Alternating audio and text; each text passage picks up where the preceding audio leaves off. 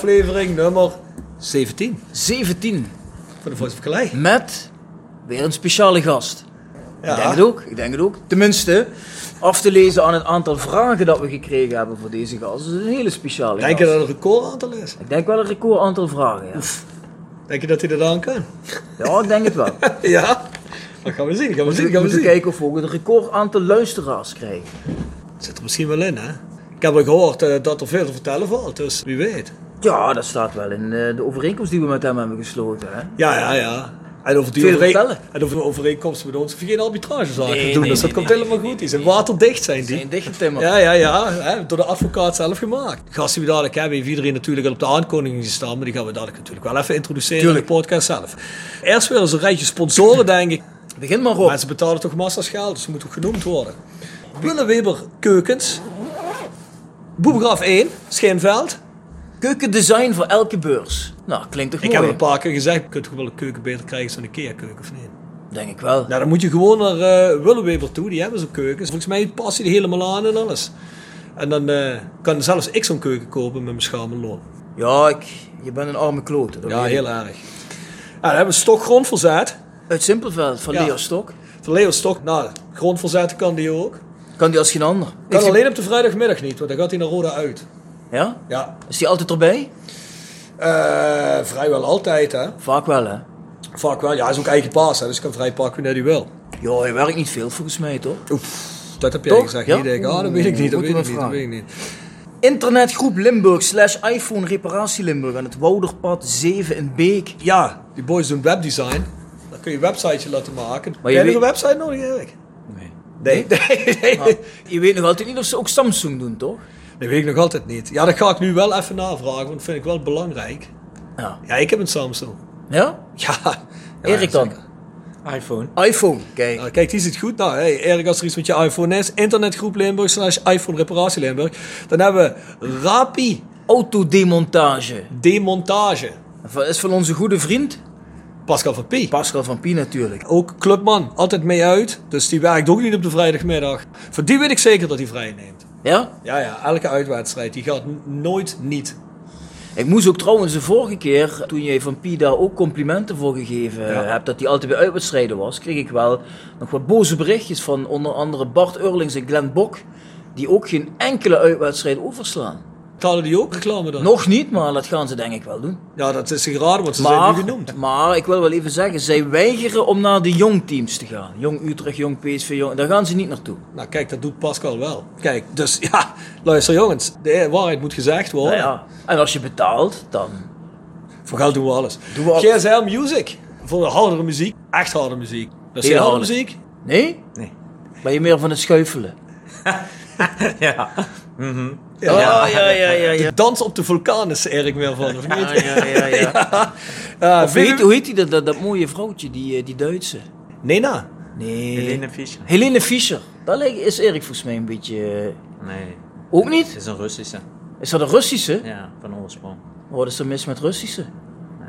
Hou je niet van? Dit- hey, Erik zelf volgens mij alleen maar vandaag ja en nee schudden. en ik was ook gewoon op op een goed verhaal. Dus, eh, Erik dit? Nee. en, en, en, en Roemeense ook niet? Nee. Nee, ook niet? Nee. Oh, kijk aan. En dan hebben we uiteraard hotelrestaurant Veilerhof in Veilen. Ja, van Ingo Bulles. En we zitten In de Bernardeshoeve. van Marco van Hoogdalen. In? de familie van Hoogdalen. Van, oh ja, ja dat, dat, dat vindt zijn vrouw niet leuk. Ja, dan zitten we in Mengelsborg. Dat Ja. is een eh, gehucht in het mooie Heuvelland. Trouwens, is ook een gehucht in het mooie Heuvelland. Allebei prachtige locaties. Lekker eten, dus ga daar voorbij. Dan hebben we Jegers Advocaten. ja hart voor weinig, nooit chagrijnig. Ja, ik heb, ik heb, Ja, dat lag Erik. Ja, dat lag- Hallo. Dat lacht hij, maar daar hebben marketinggasten hebben daar weken over nagedacht, over zo'n slogan. Is dan heb je die niet zelf gewoon- verzonnen? Nee, natuurlijk niet. Het kost duizenden euro's. maar met hard bedoel je hard werk voor weinig geld. Hard werken voor weinig geld, maar Ja, nooit ik denk chagrijnig ook, al zijn. hoor ik dat maar geweten voor die zaak van mij, dan had ik nu eh, thuis gezeten met een hoop geld. Ja. Ja, nou dan hebben we nog een van onze trouwste, hè, we zijn ook sponsor van het eerste uur. Next door Kapsalon, Nagel en Beauty Salon aan de log 44A8 Als we nog meer sponsoren krijgen, dan, dan hebben we al 10 minuten nodig om de sponsoren aan te Wordt een serieus item. Maar ja, dat ligt er een beetje aan. Er zijn een paar sponsoren, die sponsoren maar voor een aantal afleveringen. Er zijn er een paar van weg van de volgende opnamesessie. Dus eh, we zullen zien wat er voor terugkomt. Hopelijk genoeg. Ja, ik heb wel Ik heb morgen een belangrijke bellenafspraak tegen- met de bakker in Lemiers. In de Miers. Ja, ja, ja. Komt Erik wel eens in de Miers? Ja. Ja? Ja. Kijk aan. Ja, kijk, ga je. Kijk, daar ga je. Ik hoor niks over het water rust, dus ik eh, heb goede hoop. Ik denk het ook. Nee. Ja, mooi. Ja, de Miers naar Veilen en dan Vuilsbroek. Oh, Ja, daarna, hè. dat is niet wat we, wat we in gedachten en- hadden, Erik. En ik weet waar jullie het over hebben. Dat is een vriend van mij. Oh, Willy Knarren. Ja, hè, eh, Ja, ja, ja, ja, ja, toch ja, ja. Een veel directere connectie.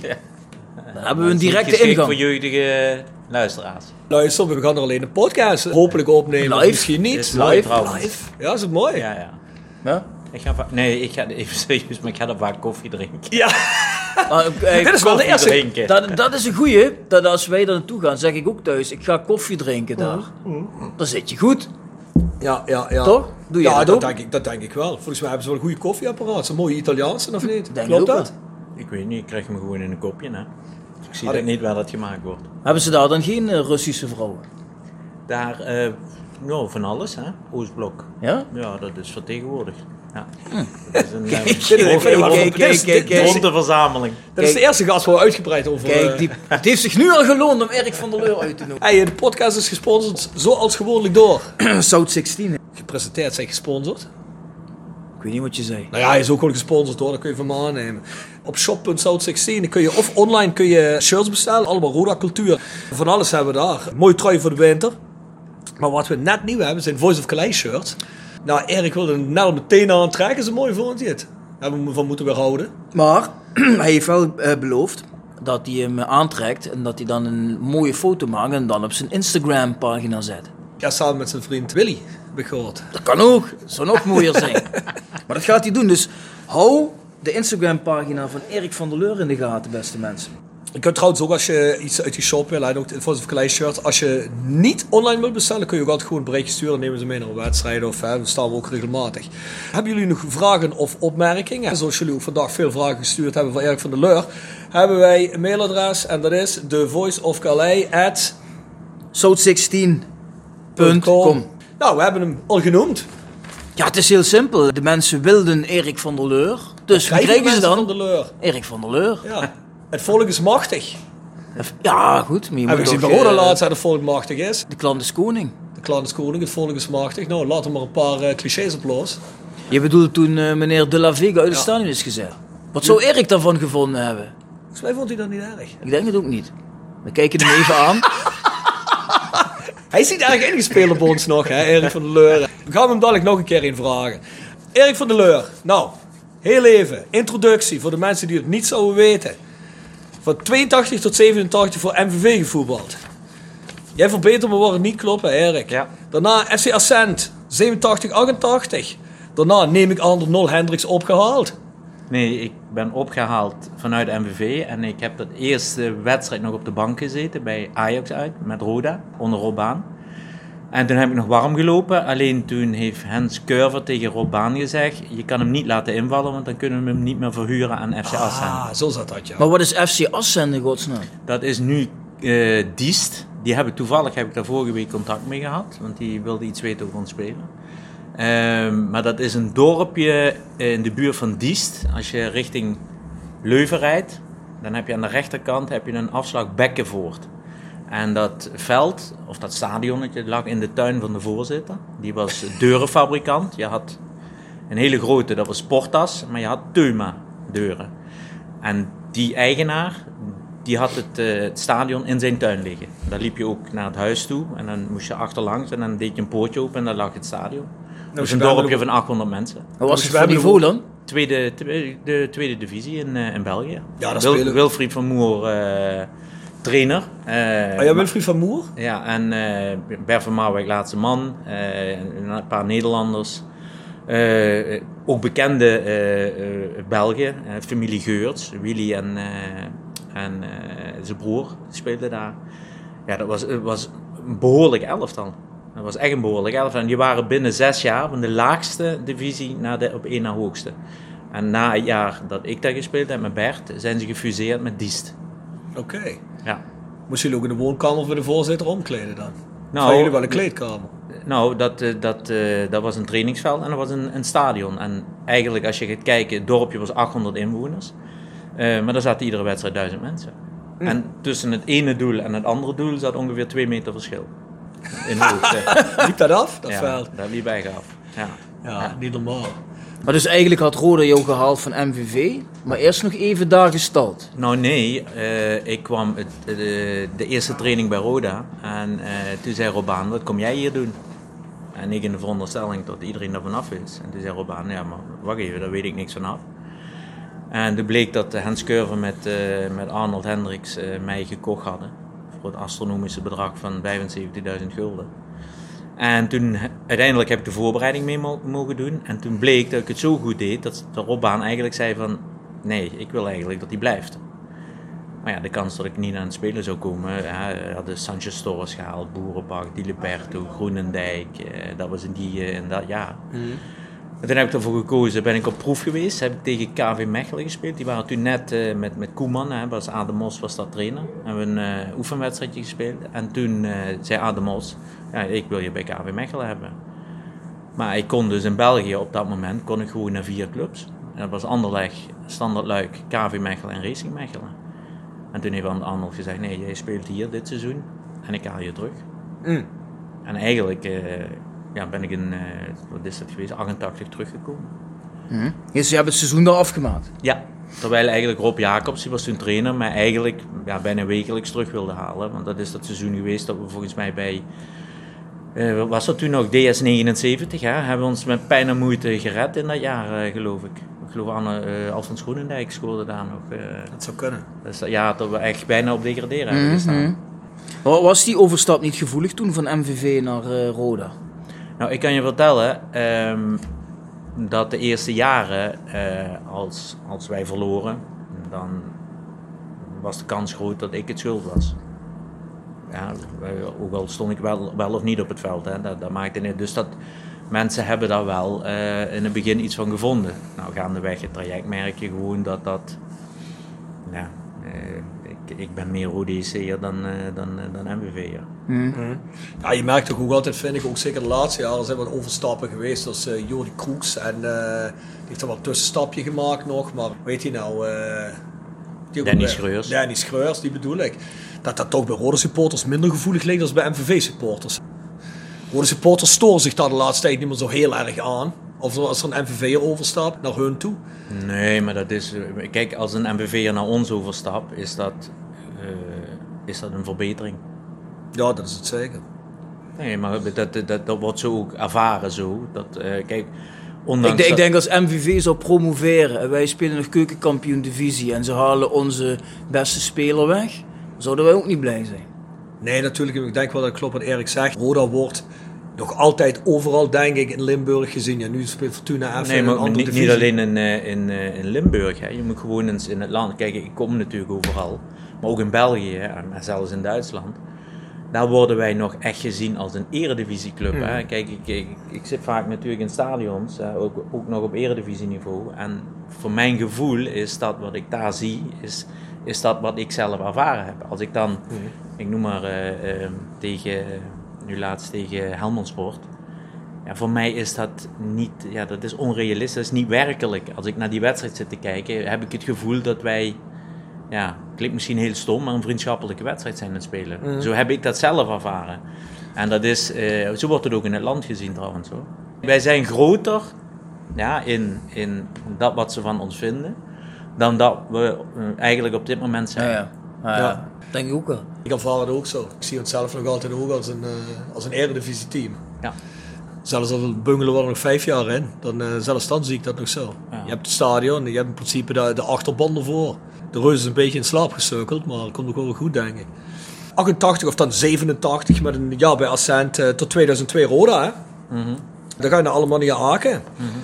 Ja, volgens mij moest je ook weg bij Roda. Je willen volgens mij toch wel blijven. Nee, ehm, kijk, ik had op dat moment, ik heb enig moment heb ik van Hendricks en Piqué, en dat was eh, Ger en Mark Luipers, eh, die waren daar volgens mij hetzelfde. Die kregen de mogelijkheid om te kiezen tussen een contract tot aan het pensioen.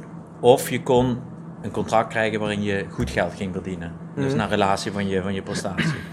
nou, en ik, ik heb altijd gevoetbald omdat ik het leuk vond. En ik heb altijd eh, gevoetbald omdat ik bij Roda eh, mijn ding kon doen.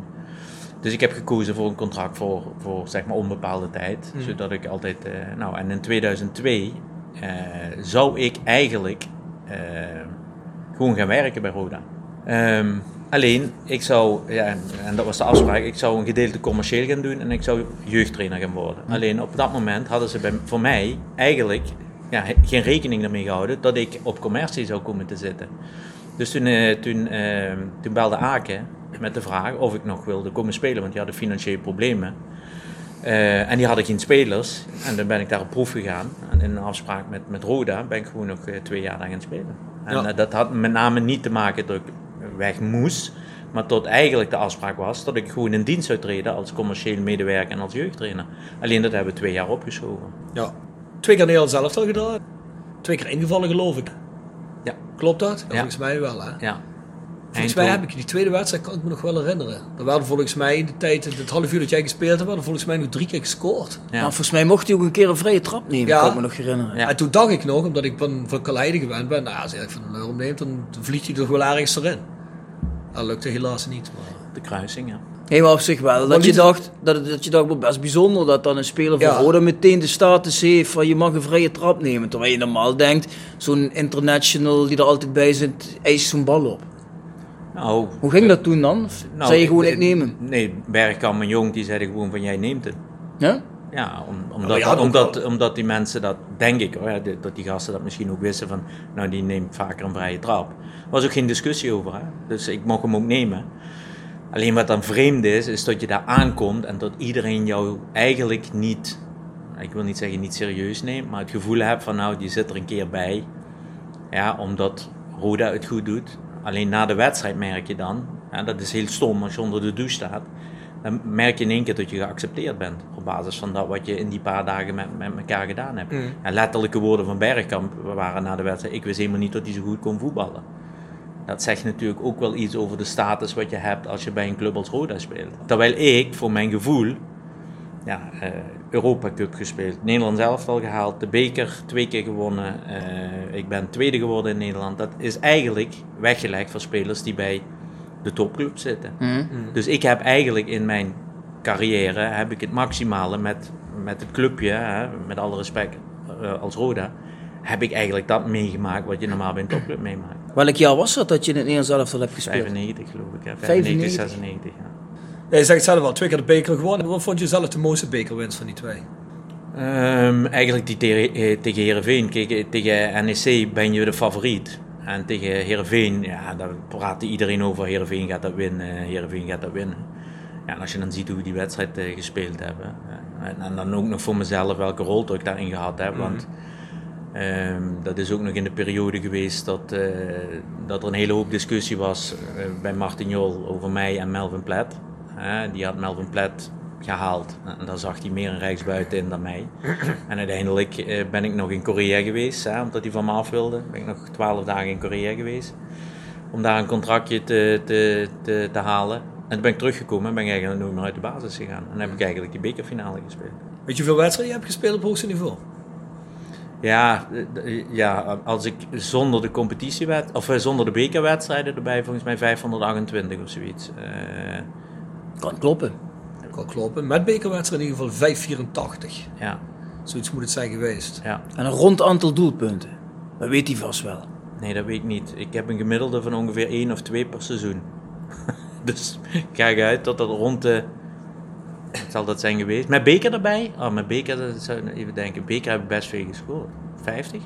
60. 60 goals. Ja. Als eh trainingscarrière, als, tenminste als hoofdtrainer dan, hè, dan doe je KFC Uerdingen. Ja. Dat was je eerste hoofdtrainersjob, geloof ik. Ja. Heb ik je trouwens ook gezien langs de lijn. Ik ben wel eens bij Essen gaan kijken. Ja. En toen was het zo, en op die dag was leeg. En dan hoor je wel Erik van der Leur schreeuwen. Ik me nog herinneren. In het Duits? Eh, Volgens mij de Duits, ja. volgens mij de Duits.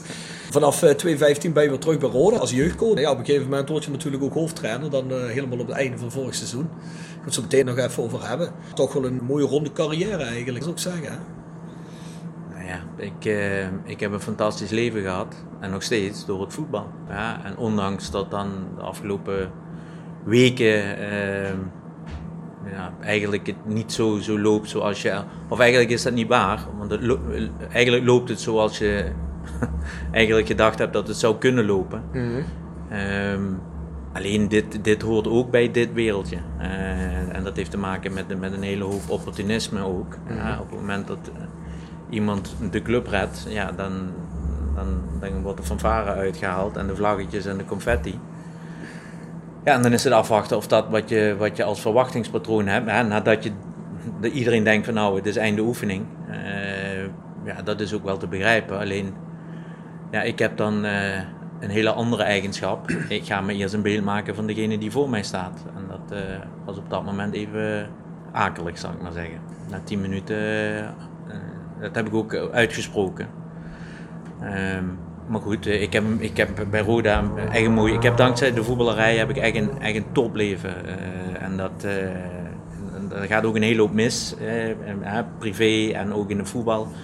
Maar ik, eh, ik kom iedere dag met plezier eh, naar het werk en praat met iedereen. En als er problemen zijn, ben ik nog altijd bereid om ze op te lossen. Dus ik ben ook, eh, ja, ik, ja, hoe moet ik dat zeggen? Ehm, Kijk, privé is er bij mij natuurlijk ook het een en ander gebeurd de afgelopen anderhalf, twee jaar. Maar daar heeft nooit iemand last van gehad. Dat heeft zelfs mensen die hebben dat een jaar niet geweten. En dat, eh, ja, zo zit ik in elkaar. Zeven dagen in de week voor, voor het clubje. En nog steeds, ja, trouwens. Wat zei de La Vega op grond waarvan jij meteen zoiets had van ja, hier heb ik geen goed gevoel bij? Ehm, kijk, eh, een, een onderdeel van dat wat ik doe, hè, van het trainer zijn, eh, trainer-coach zijn, is eh, ik moet binnen een paar minuten moet ik in de gaten hebben wie tegenover me zit, hè, dat met spelers. Dus je, je, je krijgt daar ook op een bepaalde manier voelsprieten voor. Ehm, kijk, en dan als, kijk, in, in, in het geval van, van, eh, van de La Vega, dan staat hè, volgens de berichten die we krijgen, een succesvol bankier tegenover me. Nou, dan let ik op drie dingen. Dat zijn schoenen, riem en horloge. Ehm, Ja, dat vind je natuurlijk door de man als je daar naar kijkt. nee, maar, maar even hè. Plus, daar stond een hele nerveuze man. Die via de keuken van O7 naar binnen kwam en naar buiten liep. Een Mexicaan, trotse Mexicaan. Die, eh, dus daar begin je aan te twijfelen. En als je dan in de eerste zinnen hoort van... eh, degene die mee wil, die mag meegaan. En degene die niet mee wil, die heeft een probleem. Dat vind ik, als je binnenkomt in een organisatie die al echt niet met, met een vlakke hand in het gezicht geslagen is, jarenlang, maar gewoon met, met een paar vuisten. Ja, ik denk dat dat op dat moment niet, niet de juiste manier is van benaderen. Nou, en dan vervolgens lopen wij naar buiten en ik heb tegen al de collega's van de academie, maar ik heb dat ook volgens mij al heel snel tegen, tegen de mensen eh, eh, die wat, wat hoger in de, boom zaten gezegd van, ja, ik heb hier gewoon geen goed gevoel bij. En dat heb ik mijn collega's eigenlijk al naar buiten lopen, dat was 20 minuten daarna, eh, gezegd van, nou, hier klopt iets niet. En dat is, en dat, dat is niet omdat ik altijd kritisch ben of weet ik wat, nee, maar dat is gewoon een gevoel wat ik heb. En dat, dat neem je mee vanuit je carrière. Ik zit vanaf mijn vijftiende in een kleedlokaal met allemaal volwassenen. Dus daar leer je je ook wel, hoe moet ik dat zeggen, weren. Je leert, je leert ook met, met uh, mensen moet je heel snel leren kennen. Mm. En dat, dat had ik bij hem, dat gevoel. En dat gevoel dat werd natuurlijk gaandeweg het traject natuurlijk ook wel bevestigd. Hè? Mm. En niet door mij, maar met name ook door, door wat acties en door hemzelf. Ja, duidelijk. Hij werkt jou eigenlijk weg door te zeggen, hoe zei hij ook alweer? Wat was een officiële omschrijving? Ik was lastig. Ja, je was een lastig persoon, dus je moest weg. Baseerde hij dat dan op meningen van anderen of zei hij dat heb ik zelf zo ervaren? Kan hij toch dat waarschijnlijk kan zelf niet ervaren hebben? Hè? Kijk, in de periode dat hij... Kijk, op 27 juli zat ik, was ik onderweg naar, om een wedstrijd te scouten. Um, en toen belde hij mij op. En uh, wij kregen net de grens over in Duitsland. En heb ik hem teruggebeld. Uh, en toen zegt hij... Uh, hey amigo, Maurizio, maar je hoeft niet meer te komen, want je hebt geen getekende overeenkomst. Ik zeg, oh. ik zeg, volgens mij heb ik wel een overeenkomst, want ik ben aan werk, hè? ik heb een maand voor jou gewerkt. Nee, nee, nee, nee, nee. Hij zei, maar ik heb je net een brief gestuurd. Maar die had ik toevallig, kreeg ik die binnen via de mail. Ik zei, nou ja goed, en dan ben ik omgedraaid. En dan heb ik Twan Vermeerlo gebeld, hè, want die is hoofdscouting. Ik zeg, wanneer krijg je nu naar huis? Ik zeg, want ik hoef niet meer te komen. Ja, die heeft me drie keer teruggebeld, want die geloofde het niet. Mm. Maar ik heb dus ook andere mensen gebeld met de mededeling van, ik zeg, uh, ik hoef niet meer te komen. Nou ja, goed, dan breekt natuurlijk de paniek links en rechts uit. Ja, waarom? En wat is de Ik zeg, ja, volgens dat wat in de brief staat, uh, omdat ik geen arbeidsovereenkomst heb. En dat was ook mijn inzet van de arbitrage. Heb ik juist gehandeld of niet? Heb ik een arbeidsovereenkomst of niet? Ja, nou, uiteindelijk uh, uh, had ik een arbeidsovereenkomst. Nou, daar ging nog de discussie, is het voor bepaalde tijd of voor onbepaalde tijd? Nou, voor onbepaalde tijd vonden ze daar wat koord door de bocht. Dus er lag wel een arbeidsovereenkomst. Mm Op basis van dat ik gewoon werk verricht had. Alleen, het argument wat hij had, hij had geen argumenten, dus hij moest met iets komen. Nou, en dan komt met mes in de rug steken, eh, lastig. Ja, mes in de rug steken, eh, bij mij is het altijd open vizier. Ja, en lastig, nee, ik ben niet lastig, ik ben eigenwijs. Als ik, iets, als ik ergens van overtuigd ben, dan probeer ik daar ook gewoon succes in te hebben. En dat is wat anders dan als ik lastig ben. Maar ik, ja, kijk, als in het geval van directie, als ik het gevoel heb dat de werkvloer last heeft van een aantal zaken, daar ben ik ook wel degene die, eh, die, dat, die dat gewoon kenbaar maakt. En zegt van luister, dit, is wat, dit gevoel heb ik. Alleen, we zitten hier natuurlijk ook in een regio uh, waar dit ja, moeilijk is. Mensen zijn hier niet, uh, niet altijd met open vizier en direct. Maar nu zeg je net, hij noemde je amigo, mm -hmm. maar zei erachteraan, je hoeft niet meer te komen. Ja. Wat, wat maakte op dat moment dat hij jou niet wilde behouden voor de club, denk je zelf? Eén uh, ding, en dat heeft hij ook meerdere malen zo uitgesproken. Uh, hij zei: Als ik, hem, uh, als ik dit, dit accepteer, dan ben ik, heb ik geen draagvlak meer in de organisatie, want ik ben de baas. Dat heeft hij ook uitgesproken zo in de arbitrage. Hij heeft daar letterlijk gezegd: van, Als de baas, als de, de baas van de club jou belt, al zit je aan de andere kant van de wereld, dan moet je meteen komen. Ja, maar dat was natuurlijk al ja, maar dat was ook Daarna. de reden. Nee, maar dat was ook de reden voor hem. Kijk, hij zegt dus, en waar hij dat op baseert, kan ik, kan ik echt niet zeggen, want ik ben zeven dagen in de week ben ik echt op de club. Ik ben Mhm. dus echt zeven dagen in de, in de week op de, op de club. En hij zei van, ja, je gaat mij te weg. Maar ik ben zeven dagen, ik heb hem iedere dag de hand gegeven als hij daar was. Als hij daar was, hè, want hij is ook een periode, geloof ik, van vijf weken, is hij geloof ik drieënhalve week niet daar geweest. Dus het, het, hij had geen argumenten om, om me weg te sturen en vervolgens pakt hij dat aan. Nou, dat, Nee, oké, maar dat, dat is dan in jouw visie, was het dan een drogreden wat hij gebruikte? ja, maar hij had niet- ook geen argumenten in de arbitrage. Hij, hij kon geen argumenten. Dat is hem gevraagd van, heb je met Erik gehad over de verminderde aanbieding? Ja, dat, maar dat is in een vergadering hebben we het eh, erover gehad. En dan vragen ze dat mij. En dan zeg ik, nee, nee dat is nooit. Dat is wel gesproken over dat de academie het geld moest ophalen. Hij wilde niks, hij wilde 0 euro in de academie ste- steken. Ehm, nou, en uiteindelijk is het half juni is het bij ons natuurlijk fout gelopen toen ik hem gevraagd heb van nou, als wij als academie, maar er was nog helemaal geen sprake van dat ik dat moest doen. Toen hebben we half juni heb ik een gesprek met hem gehad. En dat ging over van, hè, toen heeft hij mij letterlijk gevraagd, wat wil jij? Ik zeg nou, ik wil Kaalheide hebben. Ja, eh, omdat ik ook met Hessel bezig was om Kaalheide te, op te knappen. Want als het gras weer in het stadion moet, dan moet iedereen weer terug naar Kaalheide. Dat is op dit moment onmogelijk. Het gebouw is in tweeën en klappen. De kunstgrasvelden moeten vernieuwd worden en zo. Dus daar, lagen, was ik eigenlijk al twee jaar mee bezig. Nou, en vervolgens eh, eh, zegt hij van oké, oké. Ik zei, ik wil, ik, ik, hè, heb ik hem ook uitgelegd over het eerste elftal, dat ik dat heb gedaan, terwijl ik dat helemaal niet wilde. Ik wilde dat niet. Alleen 0 euro. eh, ja, Harm had zijn redenen om, om, om Robert Molenaar weg te sturen. Maar ik heb, ik heb altijd gezegd, ik wil dit nu op dit moment niet overnemen. Als ik, als ik het eerste elftal ooit bij Roda zou doen, hè, want dat is ook een discussie altijd geweest in mijn privéomgeving, moet ik dat doen? Dan zijn we tot de conclusie gekomen, nee, want dan is je houdbaarheidsdatum, die wordt ook, wordt ook korter, ja, bij je eigen club. Terwijl ik denk dat mijn waarde op een ander, andere plek ligt. Dus ik wilde dat niet overnemen.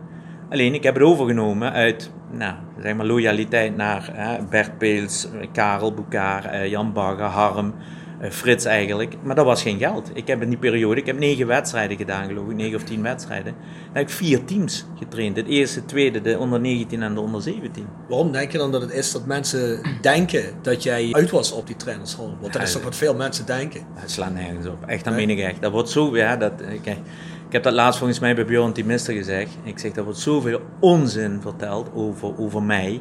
Maar dat is natuurlijk ook daar, als je boven het maaiveld uitsteekt, vindt iedereen wat van je. Alleen, hè, ik, ik, heb ik ben de mol, hè. George Lekens kwam ermee, de mol in een kleedlokaal. En toevallig heb ik Ger Zende eh, de afgelopen weken een paar keer aan de lijn gehad. Wij weten allemaal wie de mol was. Dat was ik niet, dat was iemand anders.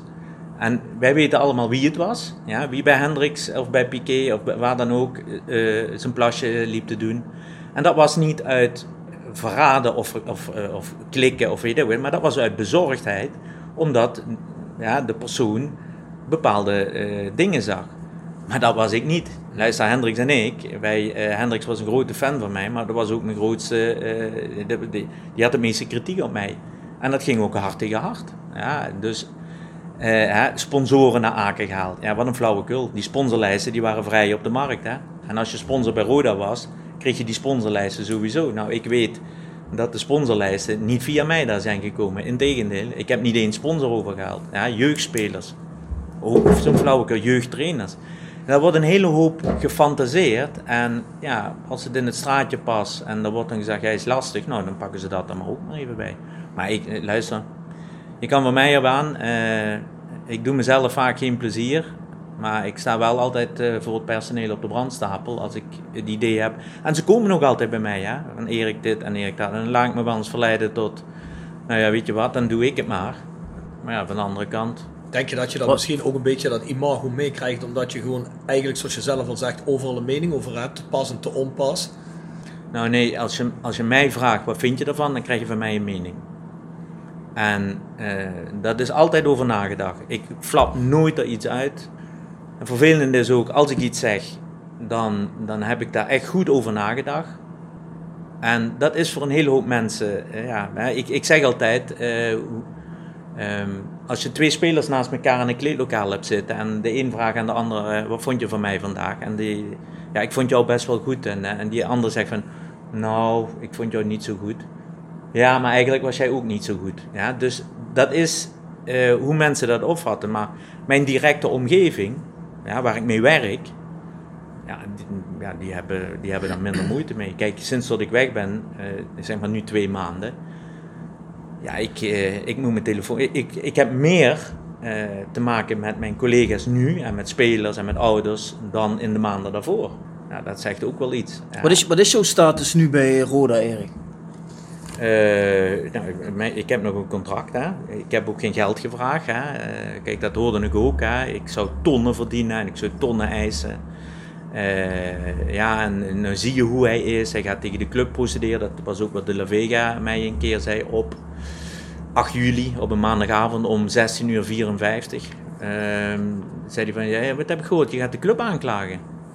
Ik zeg, waar komt die onzin vandaan? Ja, heb ik gehoord. Ik zeg, nou, dan hoor je nu van mij dat het niet zo is. Hè, toen belde hij met een Mexicaans nummer. Ik denk, ja, waar komt dit nu vandaan? Ik zeg, nee, ik zou niet weten waarom. Ja, Ja. ja, heb ik gehoord. Ik zeg, nee. Ik zeg, neem nog maar van mij aan eh, dat, eh, dat dat niet zo is. Maar ik heb, eh, ik heb ook geen geld gevraagd. Ik heb één ding gevraagd. Heb ik een arbeidsovereenkomst? Ja. En als dat, als dat zo is, dan wil ik gewoon aan het werk.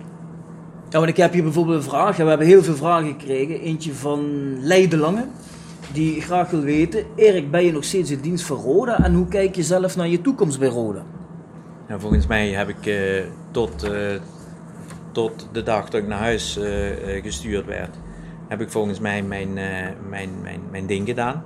Ja, daar waar ik denk dat ik goed in ben, spelers afleveren aan het eerste. Dat is eh, niet eh, de manier zoals het volgens het boekje is, omdat ik iedereen apart benader. Dat heeft ertoe geleid dat ook een Martje Reemans voor me zit eh, op, een, eh, op een warme augustusavond met de mededeling: ik ga ermee stoppen. Ehm, maar dat heeft er ook toe geleid dat Rochon van Eyma, die eh, nergens meer terecht kon in Nederland, vanwege wat dingen die, die bij hem gespeeld hadden, Ja, en dan bellen zaakwaarnemers mij op met de mededeling van ja Erik, wij weten dat we altijd bij jou terecht kunnen. Nou, en dan zie ik na twee trainingen dat Rochon potentie heeft om het eerste te halen. Nou, en dan is dat het vechten. Maar zo zijn ook dingen waar denk ik niemand iets van af weet, die ik gedaan heb. Ja, en dan praat ik over eh, een projectje van negen maanden om iemand de kans te geven om toch profvoetballer te worden, terwijl hij eigenlijk opgesloten moet worden. Ja, ja, ja. Of, op, of, ik opge- weet wel ik of opgesloten zit. Maar ja, dan zit ik tot. Tot, tot Ben je toch volgens mij vaker eh, chauffeur geweest naar uh, Zit al op en neer, toch? Of niet? Iedere dag, hè? Iedere dag, negen maanden lang. Oh shit. Ik weet niet meer, ik, ik weet wie je bedoelt, maar ik weet, ik weet niet meer wie het was. Ja, maakt ook even niet uit. Maar kijk, dat, dat was ook een overtuiging die ik had. Hè. Kijk, hij was voor mij in het kleedlokaal heel belangrijk. Plus, hij had toch een kwaliteit waarvan ik dacht van, "Poeh, die, die, gaat, die gaat het misschien halen. En als hij het niet, niet hier haalt, gaat hij het misschien ergens anders halen. Nou, dan is dat een heel traject. Hè. Dan, eh, dan moet je kijken dat ik daar gewoon dagelijks twee uur mee bezig was. Los van het feit dat ik persoonlijk verantwoordelijk voor hem was. Dus op het moment dat hij, dat hij weggelopen was, dan waren ze bij mij terechtgekomen. Maar dat is een traject met de directeur van de gevangenis, reclassering. eh, de begeleiders van hem, eh, ministerie van Justitie, minister van Justitie, staatssecretaris van Justitie. Ja, en als dan na acht maanden, ja, ik, noem even Marielle Hoebe van Midden in de Maatschappij, voor een projectje naar de gevangenis gaat en die komt dan terug en die zit me dan een half uur zo aan te kijken. Ja, maar Erik, dat wist ik helemaal niet. Ik zeg, dat is ook allemaal niet belangrijk. Ik doe dat uit overtuiging.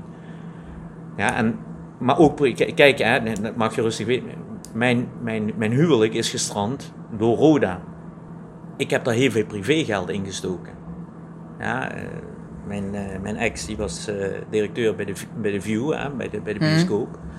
Ja, en dan zei de jongen, trainer, we willen naar de film. Ja, dan betaalde ik dat. Trainer, we willen naar Happy Italy. Trainer, de verwarming doet het niet op het Oranjeplein in Kerkrade. Ja, en dan zat die gek weer in de auto. Poetspullen kopen en noem maar op. Kijk, dat hoeft ook niemand te weten, hè, want dat doe ik uit overtuiging. Alleen als je dan aan de andere kant hoort, ja, eh, en dat stoort een hele hoop mensen. Hè, want mensen die direct met mij te maken hebben, die zeggen, ja, Erik, stoort je dat niet? Nee, want voor mij gaat het om de waardering die ik krijg van mijn directe omgeving. En wat anderen daarvan vinden, ja, ik ben nu wel op een punt aangekomen, zeer zeker na de afgelopen maanden, waarin in een arbitrage iemand nul argumenten heeft en mij dan probeert met privé dingen eh, zijn gelijk te halen. Ja, dat heb ik ook gezegd en dat heb ik ook zo besproken met, eh, met, met Jolanda. Eh, daar ben ik nu wel klaar mee. Ja, daarom zeg ik dat nu ook. Maar voor mij is dat dan ook na vanavond is, Ja. dat, is dat goed. Maar dan moet een. s- eh, Kijk, waar- wij goed in zijn, is mensen achterna praten. Heb een eigen mening, vorm je mening over direct contact. Kijk, ik, ik heb ook tussen kerstmis en nieuwjaar, afgelopen eh, winter, heb ik eh, eh, Masita-spullen zitten te verkopen. Ja, er zijn twee mensen die hebben Masita-spullen. ge- Daar zit ik op Kaalheide. En dan praat je over, volgens mij, 50 euro alles bij elkaar. En dan denk ik van, ja, maar dat zijn toch weer 50 euro. En ik heb niks te doen, dus weet je wat, ik ga lekker op Kaalheide zitten. Ja, dus dat zijn de dingen die ik doe. Dat hoeft ook niemand te weten. Dat hoeft ook niemand te zeggen van... Goh Erik, wat ben je fantastisch. Want dat doe ik de... Alleen waar ik op hoop, is dat ik spelers aan het eerste aflever. En daar ben ik denk ik heel goed in. Wat de mensen met name willen weten, want die vraag hebben we natuurlijk heel vaak gekregen. Een beetje verlengde van wat Lijn net ook vroeg. Keer je nog terug bij Roda? Ken je Roy Roodhuid, vraagt het ook. Erik, zou je nog een functie bij Roda willen? Ja, feitelijk als je een contract hebt, heb je nog steeds een functie bij Roda.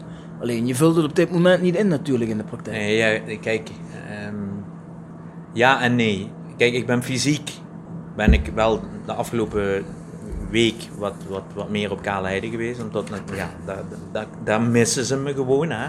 Kijk, als je nog vier fulltimers hebt, en dat was vier jaar geleden waren dat er 18, dan mis je dus minimaal 25% in fysiek. Alleen de rol die ik had is meer dan 25%. Nou, als dat wegvalt, ja, en dan ben ik ook degene die de verbinding naar boven legt, maar ook degene ben die naar boven ook wel durft te, te, te, strijden voor dat wat wij iedere dag doen. Ja, dan valt daar een hele hoop weg. Nou, dat merk je gewoon. Hè. Kijk, eh, de appjes, de telefoontjes, de, de, noem maar op, zaakwaarnemers die mij toch bellen. Ja, dat, dat, dat wordt dan gemist. Nou, alleen, ja, ik, ben, ik ben fysiek dan niet, maar ik ben natuurlijk wel altijd bereid geweest om mee te denken en, en als het moest ook mee te doen. Hè. Want, eh, Maar, maar nou is De La Vega, die is nu gewoon een weg. Dus dat was eigenlijk het grootste obstakel, toch? Dus in principe... Nou ja, weet je wat ook, wat, wat, wat natuurlijk heel eh, vervelend was? Kijk, ik heb op maandag die arbitrage gehad in Zeist. En in die weken daarvoor eh, heb ik een aantal gesprekken gehad met een aantal mensen die kort rondom de La Vega zaten. Nou, dan komt er uiteindelijk uit van Erik, dat wat op 27 juli gebeurd is, dat is flauwekul. Ja, hij moet je gewoon eh, laten werken. Nou, en op de donderdag voor de arbitrage heb ik een telefoontje gekregen, of meer dan één telefoontje, eh, met de mededeling van we gaan het doen. Ja, en dan gaan we dan wel kijken hoe het, want ja, hij is daar wel akkoord mee. Nou, toen zei hij eigenlijk van ja, begin maar met werken. En als het me niet bevalt, dan schop ik je eruit. Ja, daar kwam het eigenlijk op neer. Dan heb ik gezegd ja, dat slaat nergens op. Nou, dan uh, tot aan de winter. Ik zeg ja, dan ben ik anderhalve maanden werken. En dan begint weer hetzelfde gezeik. Ik zeg, nou, ik wil gewoon, hè, als je ergens aan begint, is het voor ons seizoen. Nou, daar was het ook iedereen over eens. Dus ik zou eigenlijk op vrijdag gewoon weer beginnen met werken. Mhm. Ik heb ook op, op, op verzoek van die mensen een gesprek met Jean-Paul gehad. Een prima gesprek, hè. Want tussen Jean-Paul en mij, wij hebben twee maanden heel goed met elkaar kunnen werken. Eh, alleen eh, op vrijdag eh, was dat weer heel anders. toen kreeg ik geld geboden waar ik niet op zat te wachten. Ik, ik, heb nooit geld gevraagd. Ik, wilde maar, ik wil gewoon lekker werken. Ik wil met mijn collega's aan de slag, met de spelers aan de slag. En dan, dan zien we wel. Alleen, uh, hij zei op een gegeven moment op maandagavond, zei hij van... nee, dat gaat niet gebeuren, want dan ben ik... dan, dan tas je mij in mijn, in mijn aanzien aan en, ja. en, en leid ik gezichtsverlies. Maar nu op dit Ja, moment... Hoe zit dat nu dan? Ja, goed, ik Nu heb, nog een. Ik, ik heb nog een arbeidsovereenkomst. Alleen, ja, het, het, kijk, ik ben, en dat, dat, eh, ik ben een onderdeel van dat wat wij dagelijks doen. Nou, en welke rol dat ik daarin moet vervullen volgens contract, dat heb ik altijd gedaan. Zeven dagen in de week. Ik heb per jaar 300 wedstrijden gezien. Ik heb 71.000 kilometer eh, gereden om spelers te ontdekken, om spelers te zien, om, om eh, contacten te leggen met, met clubs, met mensen, met iedereen. Dat heb ik gedaan uit overtuiging. Daarbij heb ik ook nog gewoon zeven dagen in de week op het veld gestaan. Ja. Maar dat is omdat ik dat heel graag doe en omdat het mij aan het hart gaat, wat ons nu al jaren overkomt. Want, dit is nog altijd, ik praat altijd over wij en ons, ik praat nooit over mij. En waar het mij om gaat is, ik ben een onderdeel van dat wat wij dagelijks doen. En ik moet daar mijn rol in vervullen, zo goed mogelijk. Dat betekent ook dat ik lastig moet zijn. Waarom? Je hebt een hele academie, daar zitten 163 kinderen in, die allemaal denken profvoetballer te worden. Met name in mijn omgeving ook. En dan moet ik ervoor zorgen dat dat percentage zo hoog mogelijk wordt. Als we eredivisie hadden gespeeld, waren het er nu niet, geen 14 geweest die daar rondlopen, maar dan was het misschien 1, 2 geweest. Zo reëel weet ik ook. Alleen, het zijn er nu 14 geloof ik, in totaal 14 of 15, die in de training zitten. En waarvan er een aantal gewoon ook meedoen en op een goede manier. En dat is mijn werk.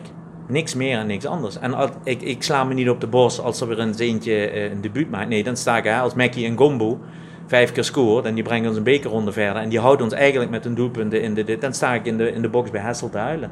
Van blijdschap. Alleen, dat ziet niemand. Dat ziet niemand dat ik met de kalkwagen lijnen ben en trekken op kaalheide en de was staat te doen om één uur s'nachts en nog een uurtje langer blijft, zodat de, de collega's er minder last van hebben s ochtends, zodat ze meteen aan de slag kunnen.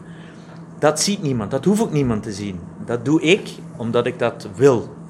En wat anderen daarvan denken dat ik daarvan vind, dat ik me daar zelf op de borst van loop te kloppen, nou, niks is minder waar. Want, Wat moet er gebeuren tot je weer op dat veld staat? Nu, eerst regelen dat we een seizoen kunnen uitspelen. En dan, dan, dan zien we wel wat ik ga doen. Maar daar sta je wel voor open in principe. Ja, maar goed, dat was inzet. Luister, ik, ik heb gewoon twee maanden gewerkt, hè, dit seizoen, Ja, ja. juni en juli. En uh, dat was ook, ook de Levege zei, we gaan gewoon met elkaar aan de slag. Je bent Ja, belangrijk en weet ik wat allemaal, ja. Ja, het had natuurlijk ook zo kunnen zijn dat je nu naar die hele romslomp zeggen, naar die hele zaak met de La Vega, dat je misschien gezegd hebt van ja, ik heb het altijd met veel liefde gedaan, Nee, maar, maar- is er nu wel een, eh, is er nu wel een, zo'n deuk ingekomen dat voor mij niet meer hoeft Nee, je- bijvoorbeeld. luister, ik werk nooit voor mensen, ik werk voor mijn clubje. Ik Ja. heb altijd voor Roda gewerkt. En als het Roda slecht gaat, ja, dan, dan, dan kan ik wel eens slecht, of slecht zijn. Dan kan ik wel eens lastig zijn. Dan, dan, dan, want ja, ik ben, ik ben iemand die, die in processen denkt, die het einddoel altijd ziet. Een einddoel is gewoon eredivisie nog altijd voor mij. Want bij, dit is niet wat, wat bij mij en bij, bij de club past. Mm. Ik heb een stelling voor Erik. Zullen we die maar even erdoor gooien? Zeker. Charles van Druten, stelling voor Erik. Erik, als hoofdtrainer dien je je soms diplomatiek op te stellen. Niet echt een eigenschap waar jij onbekend staat. Mijn stelling luidt dan ook: Erik van der Leur is te recht voor zijn raap om een langdurig hoofdtrainerschap bij een BVO aan te gaan. Ben je het daarmee eens of ben je het daarmee oneens? Nou, ik hou er niet van om in, eh, in raadsels te praten. Als ik vind dat het goed is, dan zeg ik het is goed. En als ik vind dat het niet goed is, dan is het niet goed. En waarom? Eh, omdat als je eh, naar buiten uit het milder gaat uitleggen en je komt dan intern en je gaat het dan scherp stellen, dan, dan gaan mensen denken, ja wat is dit? En ik weet dat dat in de voetballerij zo is.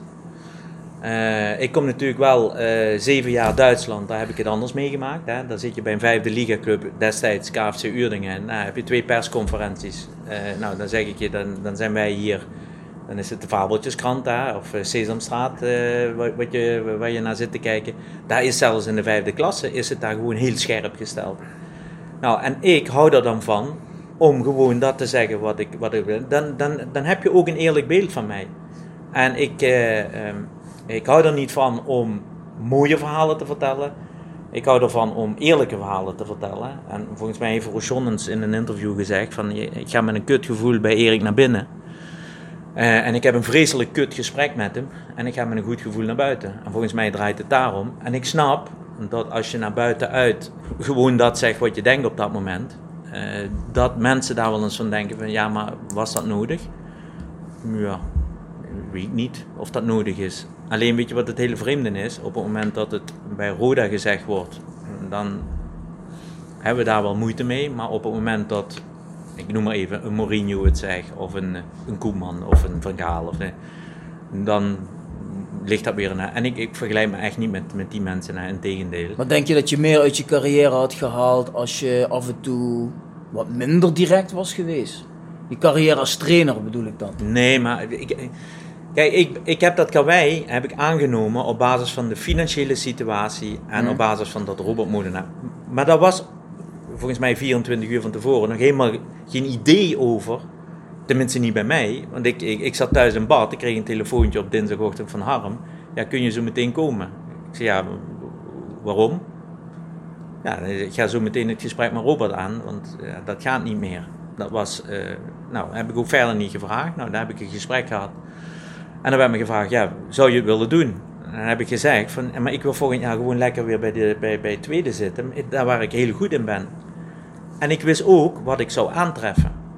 Dus ik wist heel goed dat als ik iets zou willen doen, dan zou ik de hele voorbereiding hebben moeten doen. Dus van het begin van het seizoen af, om, om mijn, ik zeg maar even, mijn sausje eroverheen eh, te, te, te gooien. Um, nou, dat, dat is niet gebeurd. Nou ja, en dan, dan kun je een hele hoop van denken. Maar als Robert Mario Engels niet had gehad, dan was hij misschien al voor de winter weg geweest. Want Mario Engels heeft natuurlijk, dat werd ook intern zo, zo gesteld, hè, ook door mm. Robert. Kijk, als Mario Engels niet zo gescoord had, dan waren de problemen al veel en veel eerder. Kijk, maar ik heb Jensen niet erbij gehad, Engels niet erbij gehad, Macrini weken niet erbij gehad, Paulussen niet in vorm. Uh, wat heb ik nog allemaal? Ik, ik, ik, ik heb eigenlijk met mijn tweede elftal bijna de laatste wedstrijden gespeeld. Want hoe kijk je terug op die, die periode dat je hoofdtrainer was? Vraagt ook onder andere Wesley Hollands. Is het hoofdtrainerschap geworden wat je ervan verwacht had? Ja. Want ik wilde het niet. Ja, door dat wat ik allemaal mee heb gemaakt. Uh, dat, daar kreeg ik gewoon een bevestiging van in de weken dat we met elkaar gewerkt hebben. En uh, dan, dan leer je ook wel weer hè, relativeren je bent ook bezig dagelijks eigenlijk al met het seizoen daarna. Hè? Dus wij waren in de periode dat ik het uh, overnam, waren wij heel duidelijk bezig om dingen te regelen met de financiële onmogelijkheden. Uh, ja, kijken hoe we dingen beter konden doen, anders kunnen doen. Maar uiteindelijk is aan de, als je dan een streep onder zet en je gaat plussen en minnen, is dat eruit gekomen wat ik eigenlijk op de dag van toen ik het overnam, uh, eigenlijk al als verwachtingspatroon had. Was er te weinig kwaliteit in de selectie? Nou nee, maar ik heb nooit, hè, even, ik heb nooit met de, met de, met, ik zeg maar even, de beste elf kunnen spelen. Mijn, de topscorer, ja, die heb ik nooit gehad. Hè. Die heb ik geloof ik één wedstrijd gehad bij Helmond Sport en thuis tegen MVV en toen was het uh, over. Ja, uh, Engels. Engels. Daar was hij er vaak niet bij toen? Ja, die heb ik volgens mij die heb ik, eh, twee wedstrijden geloof ik gehad. Oké. Eh, ja, en, en eh, Simakala die, eh, die nog niet zijn draai had gevonden. Eh, Jensen die geblesseerd was. Dus je bent constant aan het plakken en het, eh, van steenkisten die wat langer uit is gevallen. Dus je bent constant het, eh, het, eh, hoe moet ik dat zeggen? Op zoek naar alternatieven. Plus, wat ik daar gedaan heb, ik heb natuurlijk gevraagd, wat vinden we daarvan? Hè? Kijk, ik hou ervan om de tegenstander, hè, eh, als je naar de wedstrijden gaat kijken de, van, het, van het tweede of van de, van de jeugd, ja, wij zetten vol druk. Hè. Dan, kijk, als, je- als je in de fout gaat op de middenlijn, moet de tegenstander ook nog 50, 60 meter naar het doel. Kijk, alleen, ik, ik, kunnen we dit? Nou, dan kreeg ik te horen van, ja, ik weet niet of dat slim is. Ik denk dat je met je kont tegen de eigen 16 moet aanspelen. Dat druist dus tegen alles in van dat wat ik eigenlijk zou willen. Alleen, dan ga je trainen en dan ga je nadenken en dan ga je luisteren. Ja, en dan ga je toch nadenken over van, ja, maar als ik dat achteraf, hè, want ik heb volgens mij twee wedstrijden, hebben we het anders gedaan. Eh, ja, en dan, en dan, dan denk ik kut. Ja, had je misschien toch van het begin af aan moeten doen. Dat, Maar wie vraag je zoiets dan? Ik bedoel, je zegt zelf, je bent tamelijk eigenwijs en je, je drukt daar je, dan zou je er ook wel je stempel op drukken. Maar wie vraag je dat dan? Ik moet, je moet Nee, maar goed, hè, de trainers, hè, kijk, eh, Robert-Jan Zoetmulder zit al een hele jaar in dat kleedlokaal. eh, Harm die daar kort op zit. Kijk, ik kreeg eigenlijk weinig mee van het eerste elftal, omdat ik de trainingen zelden of nooit zag. Wedstrijden uit zag ik niet. Nou, thuis niet altijd, omdat ik eh, wel eens ging scouten, of wel eens ik ging scouten. Ehm, dus je hebt daar ook geen goed beeld van. Alleen op het moment dat, dat ik kom en ik zeg, nou, we gaan zo druk zetten. Ja, ik weet niet of dat met deze groep kan.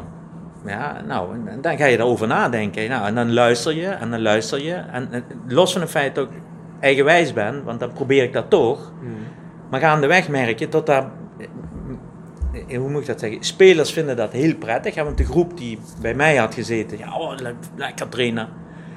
Maar je hebt ook te maken met een groep die liever met de kont tegen de eigen 16 aanspeelt. En die moeite heeft met ruimte in de rug te, te spelen. Ja, dan ga je daarover nadenken. Ja, en dan denk je van ja, die wat er moeite mee hebben, die staan op de as. Ja, Moet je dat doen? Moet je de... ja, en dan krijg je dus een elftal wat dit gaat doen. Uit elkaar gaat lopen. Ja, en daar, eh, daar heb ik voor ge- gezegd van ja, moeten we, dan gaan we met- de reet in, tegen de eigen 16 aan eh, hangen. Nou, en in de eerste vier wedstrijden haalden we nog negen punten. Dat was nog niet zo beroerd. Alleen daarna ja, komt de klad erin door meerdere oorzaken. Niet alleen door dat wat we op het veld deden, maar ook door dat wat buiten het veld gebeurde. Als je het over had mogen doen, had je het dan anders gedaan, denk je? Ja, dan was ik er vol op geklet. Dan was ik daar echt... eh, Achteraf denk ik van... eh, was ik maar wat eigenwijzer geweest op dat moment. En los van het feit, hè, ik ben eigenwijs, maar ik heb mensen om me heen verzameld. Hè, Danny Volkers bijvoorbeeld. Dat is echt... Ik had daarvoor had ik Roger. Dat zijn mensen die hebben een kwaliteit die ik niet heb. En die houden mij ook, hè, daar vraag ik ook altijd, wat vond je ervan? Was het goed? Was het te veel? Was het te weinig? En zo zijn we met elkaar iedere dag bezig. En ik ben eigenwijs. Geloof me, ik heb een idee over hoe je spelers moet opleiden. Ik heb een idee over hoe je kunt voetballen. Over fit worden heb ik een idee.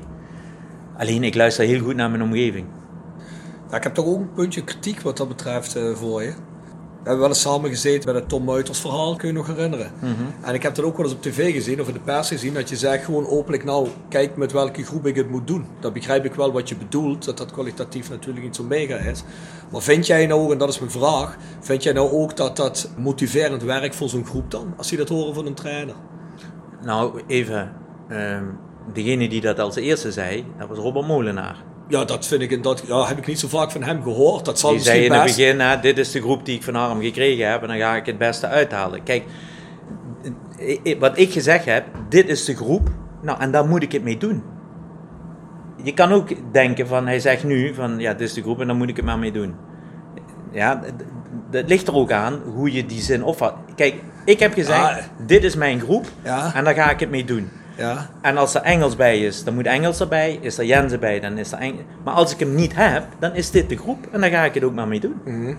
Nou goed, dat heb ik toen misschien terecht of te onrecht een beetje anders opgevat. Nee. Want ik had zoiets van, ja kijk, als je dat gaat zeggen en die jongens die zitten er zelf Mm. bij, of die jongens lezen dat of zien het in de pers, dan zou ik zoiets hebben, oh, oké, trainer gelooft er wel in. eh Nee, toen maar vond dat, ik niet erg motiverend. Toen had ik zoiets van, ik had een beetje het als gevoel dat dat je... overgekomen is, dan is dat met name van, denk ik misschien op dat moment ook van, eh, hoe moet ik dat zeggen? Eh, een beetje ook misschien al in de, in de overtuiging van nou, tot het heel moeilijk gaat worden. Ja, want dat zou mijn volgende vraag zijn. Of heb je er misschien niet ook gevraagd dat je in je achterhoofd had? Nou, ik wil eigenlijk helemaal geen hoofdtrainer worden. Ik wil die rol eigenlijk helemaal niet. Het gaat moeilijk worden. Dat je dan eigenlijk zo'n uitspraak doet omdat je misschien al bij jezelf denkt, ja, volgens mij gaat het ook gewoon echt helemaal niet lukken. Nee, maar goed, maar dat is wat ik al aangeef. Hè. Op het moment dat je het overneemt, dan, dan, dan ga je denken van nou, wat heb ik? Nou, wat ga ik doen? Nou, dan ga je met je belangrijkste man, met Mario Engels, ga je praten. Ik zeg Mario, wat willen we? Druk zetten? Ja, trainer, druk zetten. Nou, vervolgens zit je na vijf dagen zit je in een situatie dat een speler zegt van druk zetten. Terwijl de rest eigenlijk zegt, ja, geen druk zetten. Ja, nou, wat krijg je dan? Dat je, A, ik eh, met mijn topscorer eigenlijk op dat moment zeg van, nou, dat ligt, ons, hè, dat kunnen we denk ik ook, hè, als je het zo doet zoals hij. Alleen dan kom je erbij dat mensen in een situatie gaan komen waarin ze dingen moeten gaan doen waar ze zich niet prettig bij voelen. Nou, wat, kies je dan voor? Dan kies je voor de verdedigende zekerheid. achteraf, ja, achteraf had ik, ja, en dat, dat besef ik nu ook, had ik me misschien zelf een groter plezier gedaan door er volop te kletsen. Alleen, dan moet je wel ook het materiaal op dat moment hebben. Nou, en dat was na twee wedstrijden, ja, lag dat, eh, na Helmond lag dat uit elkaar, hè. Dan krijg, je, dan krijg je eigenlijk de bevestiging van dat wat je, wat je ziet. Ja, dat, dat is moeilijk, moeilijk, moeilijk. En dat lag ook niet alleen op het veld hoor, laat dat even duidelijk zijn.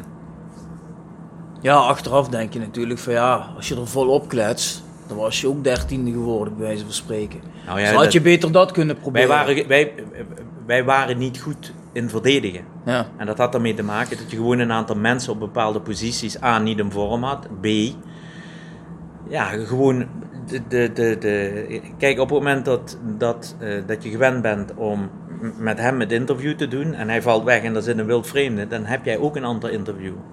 Mm. En zo werkt het ook met voetballers. Het zou wel een stuk fijner zijn waarschijnlijk. Als hij, ik, ik, denk voor allebei.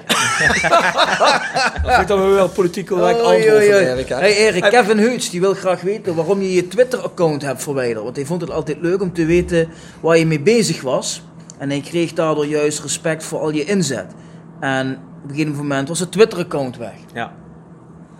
Nou, uh, A, omdat uh, ik alleen maar verzoeken kreeg voor shirtjes. Uh, en dat mensen zich op een gegeven moment in discussies gingen mengen waar ze niks mee te maken hadden. En ehm, met name op een gegeven moment is dat gekomen toen zei Koert Westerman op de radio van Jorrit Smeet is een kind van de club van Fortuna. Toen heb ik gezegd van drank maakt meer kapot dan je lief is. Uh, ja, kan ik me herinneren. Ja, ja, ja, ja. ja. Uh, waarin iedereen het geweldig vond. Alleen een supporter van, van Roda, die, die ging daar heel erg negatief op in. Maar dat was meneer, met, denk ik met name een persoonlijke voorkeur naar mij toe. Terwijl ja, ik, ik wilde gewoon zeggen, hij zit lekker aan een biertje.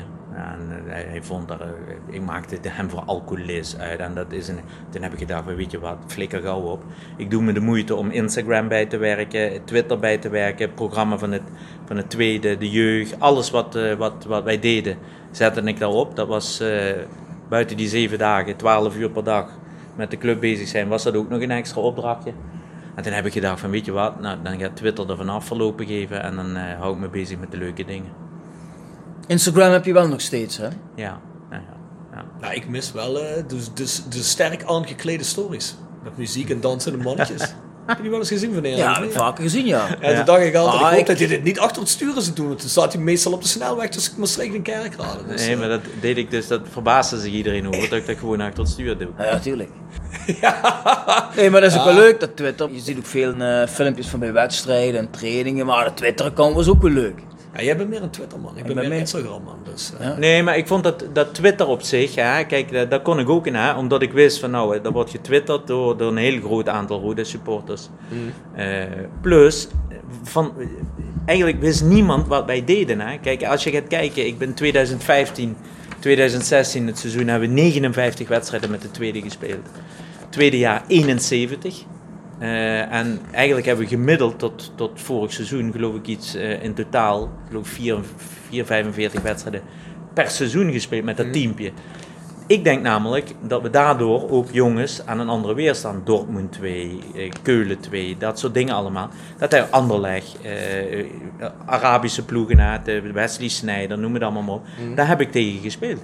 En ehm, ja, dat vind ik, eh, dat, dat weten een hele hoop mensen niet. Hè? Want als je bij, bij Roda op de, op, de academie, op de, op de Facebook kijkt of Instagram, ja, daar staan de verjaardagen op. Ja, omdat we ook maar een beperkt aantal mensen hebben.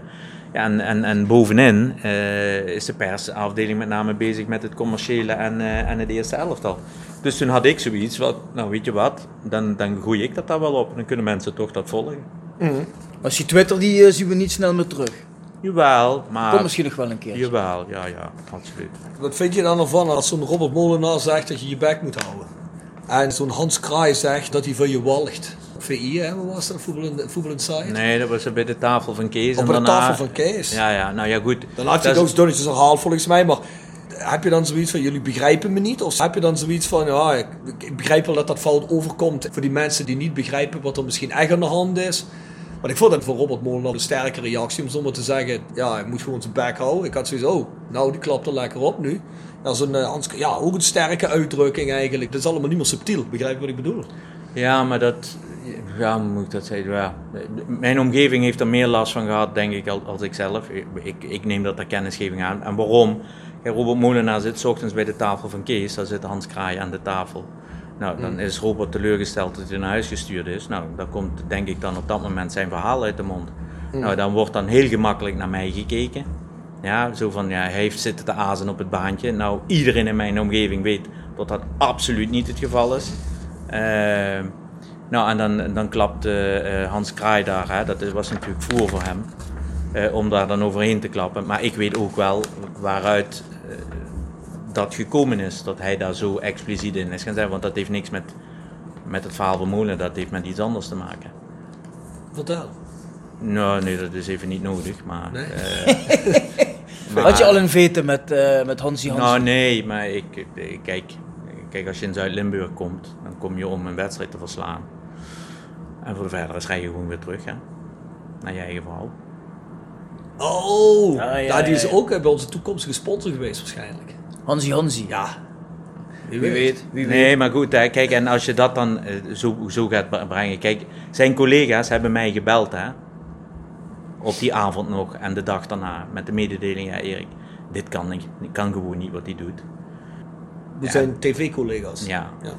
En nog steeds, hè? kijk, want ik heb gewoon contact met, met mensen bij, bij Fox. Ja, die bellen mij, hoe is het met je? En, eh, ehm, ja, en eigenlijk schandalig wat met jou gebeurd is. eh, maar, eh, maar van de andere kant denk ik van, ja, Hans, kom gewoon naar mij toe. Ik betaal je een week het Fletcher in het stadion. Dan kun je lekker ontbijten. Kun je iedere dag komen kijken wat ik doe. En dan moet je nog eens zeggen of ik een kwal ben of een eng ventje of weet ik wat. Dan mag je dat zeggen. Als je dat nog vindt, mag je dat zeggen. Maar niet maar wat roepen. Ja, want ik heb die collega's teruggezegd. Dat is toch die man die om tien voor twaalf s'avonds van je zo'n video's eh, presenteert. Zo'n video. Ja, ja, dat heeft hij dat, ook gedaan inderdaad. Hè. Ja, ja. Ja, toen dat met Robert Molenaar was, denk ik van ja. Ik begrijp helemaal niet waarom hij zijn bek Nee, maar goed, ik, die dat- van die vind, ik, die vind ik ook niks. Vind jij Nee, niet maar goed, hè, maar dat is ook uit zijn er verband gerukt. Kijk, ik heb daar, en dat mag, dat mag iedereen ook weten, ik heb, ik heb Jimmy Leenders destijds, hè, en die was vorige week geloof ik hier, Ja. heb ik Jimmy eh, eh, destijds gebeld. Ik zeg, ja, je maakt het groter als dat het is, want tussen Robert en mij is dat nooit een, dat is nooit een issue geweest tussen Robert en mij. En dat was eigenlijk ook nog een beetje, en trouwens, het was niet zijn bek houden, want ik weet precies wat Robert gezegd heeft. Hij moet zijn muilen houden. Ja, dat was wat, eh, wat, eh, wat, wat hij gezegd heeft. Maar ja, goed, ik kan er een hele hoop over zeggen, maar dat is groter gemaakt als dat het op dat moment daadwerkelijk was. Nou, en dan is dat nieuws, hè, want we hebben de laatste jaren niet meer zo, zoveel leuks te vertellen. Nou, dan is dat nieuws en dan springt er iedereen op. Ja, ik vind dat ik daar iets van moet, moet, eh, moet publiceren. Ik zeg, nou ja, dan doe dat maar. Ja, en, eh, het gevolg is dat Jimmy Leenders ook een half jaar geblokkeerd is geweest bij mij. Oké, dat had ik hem beloofd. media. Ja, nou, dat had ik hem ook beloofd. Ik zeg, eh, ja. kijk, dit is gewoon scoren over de rug van, van, van twee trainers. Ja, daar hou ik niet van. Kijk, als het, als het daadwerkelijk iets is, ja, dan zeg ik van, dan mag je dat doen. Maar dit, dit was gewoon een opmerking. Dus jij vindt dat de pers zoals wij, eh, ik weet niet of je die podcast toevallig gehoord hebt met onze Jimmy Leenders, kregen we ook van, zeker ook van supporters de vraag. dat, of kreeg de opmerking dat ze vonden dat ook de pers een beetje te negatief voor Roda was. Dus dat Mhm. vind jij ook wel, vind je dat niet? Nee, kijk, ik vind dus als je eh, journalist bent, hè, en, en, en pak ik even het verhaal van Hans Kraai, op het moment dat je op zondagochtend iets, hoort van Robert Molenaar, en laat daar even duidelijk in zijn dat Robert teleurgesteld is en zijn verhaal vertelt, Ja. heb ik nul problemen mee. Zou ik misschien ook gedaan hebben. Alleen dan zou ik, als ik Hans Kraai junior was geweest, had ik gezegd van nou weet je wat, ik ga die Van der Leur eens even bellen. En eens vragen van luister nou Erik, wat is er nou gebeurd? Nou, dan had je een verhaal van twee kanten gehoord. Nu was het gemakkelijk scoren. Dat was ook in het geval van Jimmy zo. Ehm, dat heb ik hem ook gezegd. Ik zeg Jimmy, dan doen wij geen zaken meer met elkaar voorlopig. Eh, ja, dat was dus ook dat Mark Maas dan een telefoontje kreeg met de mededeling. Ja, Erik is constant in gesprek. Ja, dus Mark kwam bij mij terug en dan heb ik Mark dat ook gezegd. Nee, ik zeg, die is geblokkeerd. Dat heb ik hem ook gezegd. Dan krijg je van mij ook geen, geen als je iets van mij wil weten. Want eh, ik, ik vind nog altijd pers en trainer, pers en club is samenwerken. Ja, ik heb dat ooit eens in, in Aken eh, met, met de Van de Bielt. Die, die Van de Bielt zei toen we tweede Bundesliga speelden. Die Van de Bielt zei letterlijk, ja maar als Aken uit die Bundesliga vliegt, dan heb ik ook geen baan meer. Hè? Want de Bielt komt niet in de derde klasse of in de regionaalliga. De Bielt komt in de tweede en in de eerste Bundesliga. Dus dat is ook een wisselwerking. En zo, zo functioneer ik ook. Ik heb met iedereen, eh, luister, ik heb met, met, met pers een hele goede relatie. Die krijgen gewoon ook altijd een eerlijk verhaal. Ik heb een leuke anekdote. Om het even wat luchtiger te maken tussendoor. Luchtig. Ja, heel luchtig. Ik moet eens even kijken. Ja, zet de verwarming hier maar uit, dan wordt Van- het luchtig. Ja, wacht even. Van onze goede vriend Bas Berry. Even een leuke anekdote waar Erik van der Leur in voorkomt. Drie jaar geleden was ik in Engeland onderweg. De terugreis ging via Manchester. Voor de vlucht bezorgde ik Old Trafford. Ik kocht er een souvenir en dat werd in een plastic zak met Manchester logo gedaan. Op het vliegveld waren tien lopende banden met een douanier erbij die je spullen controleerde. Een beveiligingsmedewerkster wees mij naar een bepaalde douanier. De man groet me. Ik leg de Manchester United zak op de band en zeg zomaar: I am not a Manchester fan, I am a Roda fan. Ik had verwacht dat de douanier het ter kennisname zou aannemen, maar er gebeurde iets magisch. De douanier keek me aan met grote ogen. Er kwam een smile van oor tot oor op zijn gezicht. Hij zei blij, luid en duidelijk, met Engels accent: Roda JC. I had a season ticket for three years at Calheide. Ik was verbaasd, maar de man ging gewoon door. Eric Vandeleur was my favorite player. He was great in the cup final against Heerenveen. Sta je daar? En de douanier begint de lofzang over Roda en Erik van der Leur. Geweldig. Hij had jaren in Brunsum gewoond. Zijn vrouw werkte bij de afzend. Hij kwam achter zijn desk uit en opeens stond ik met de douanier te high-fiven. Waar maak je dit mee? Dit zijn de kleine dingen die het zo mooi maken Roda-fan te zijn. En dat wil ik graag met Erik en jullie miljoenen publiek delen. Wist, niet, ik wist niet dat je een boek ging voorlezen. Ja, maar ik kan moeilijk drie woorden eruit eh, voorlezen. Dan is het hele verhaal weg. Ah ja, nou ja, goed, oké. Ja, ja, Vond je het geen mooie anekdote dan? Ja, dat is een leuke anekdote, zeker, Die zeker. heb ik ook nog van in Cuba. Wie vindt Cuba? In Cuba, dat ik uit het vliegtuig stap en tot aan de andere kant iemand met een roda sjaaltje staat die in het vliegtuig stapt. Erik! Serieus? In Cuba. Hoeveel kost het dan om die man geld te geven? Ja, dat was een Cubaan. Hij was toch een mooie anekdote van, eh Ja, van? Ja. Dat zijn de leuke verhalen. Hey, ik heb wel een vraag voor je, Erik. Weet ook iedereen hè, dat jij enorm veel tijd in jeugdopleiding hebt gestoken. Maar hoe goed is die jeugdopleiding bij Roda nou eigenlijk? Kijk, wa- waar je mee te maken hebt gehad de afgelopen 20, 30 jaar, is dat Arnold Hendrik zei: het geld wat ik in een, een jeugdafdeling moet, moet steken hier, dat steek ik liever in een speler voor de eerste. Nou, eh, ik ben zeven jaar in Duitsland geweest.